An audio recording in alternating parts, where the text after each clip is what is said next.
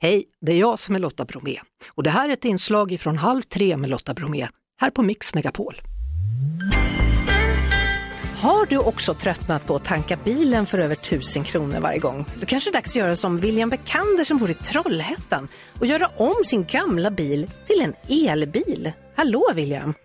Ja, tjena. Men du, det här är ju superspännande. Du har en gammal Citroën som är 40 år gammal. Vad har du gjort med den? Uh, jo, vi la ut en uh, sökesannons i ett forum om en uh, bil utan motor eller skrotad motor eller då rasad.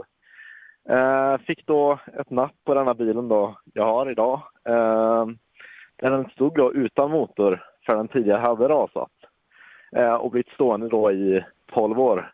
och då blev det som ett perfekt räddningsobjekt för just denna idén då, eller tanken. ja. Men vad gjorde du? Då hittade du någon slags elmotor eller byggde du ihop motorn själv då? Ja, eller efter vi har fått hem bilen då så var det lite man, eller, vi hade fått idén då, jag och farsan, att varför inte göra detta? Eh, och sen kom det lite efterhand så att eh, det blev eh, ett batteri från en Toyota gaffeltruck och en motor från USA. Och en elmotor det är inte så komplicerat egentligen så att det är, ja, det är en elmotor liksom. Eh, satt på original växellåda. Vilken kul grej att göra med sin pappa. Ja, det, det är ett projekt. Bråkar ni någonting? Nej. Nej, vi båda är bilintresserade så det är lite idén kommer ifrån att eh, vi bevarar då både livet i bilen och sen modernisera. Eh, gav den en modern tappning då. Det är ju superhäftig eh. grej att göra. Men eh, vad är det för färg på din bil? Är blå. Och din gammal Citroën. Vad säger folk när du åker in för att ladda den vid sina laddstolpar?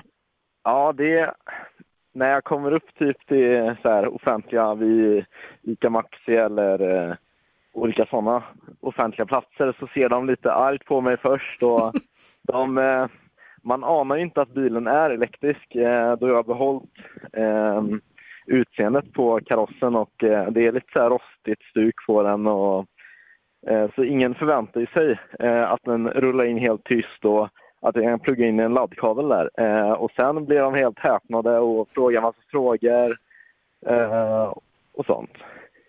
Och det brukar vara så här, hur långt kommer du, hur fort går den?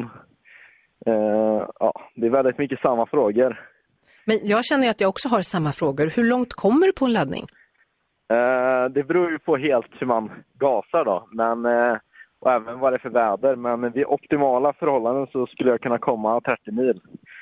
Oj! Eh, så det, man kan ju klassa det som godkänt eller acceptabelt. Alltså men... verkligen. Men vad kostar, det, vad kostar en laddning för dig till din bil?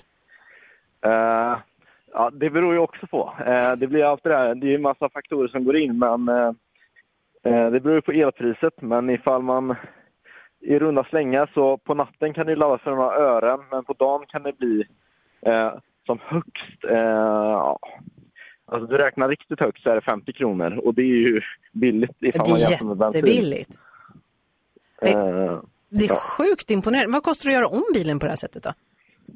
Uh, ja, det är ju, alla bilhobbybyggen är svårt att hålla koll på en uh, riktig kostnad så här, men för att vi skulle kunna motivera kostnaden till morsan så var det då var det billigare än att köpa en begagnad då, Nissan Leaf Ah. Eh, ja, då är detta bygget då billigare mm. än då.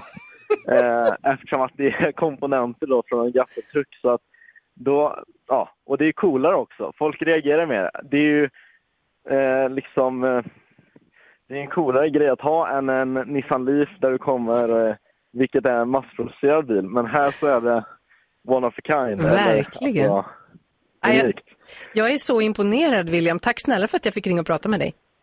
Yes, tack själv. Vi hörs såklart på Mix Megapol varje eftermiddag vid halv tre. Ett poddtips från Podplay. I fallen jag aldrig glömmer djupdyker Hasse Aro i arbetet bakom några av Sveriges mest uppseendeväckande brottsutredningar. Går vi in med hemlig telefonavlyssning och, och då upplever vi att vi får en total förändring av hans beteende. Vad är det som händer nu? Vem är det som läcker? Och så säger han att jag är kriminell, jag har varit kriminell i hela mitt liv men att mörda ett barn, där går min gräns. Nya säsongen av Fallen jag aldrig glömmer på Podplay.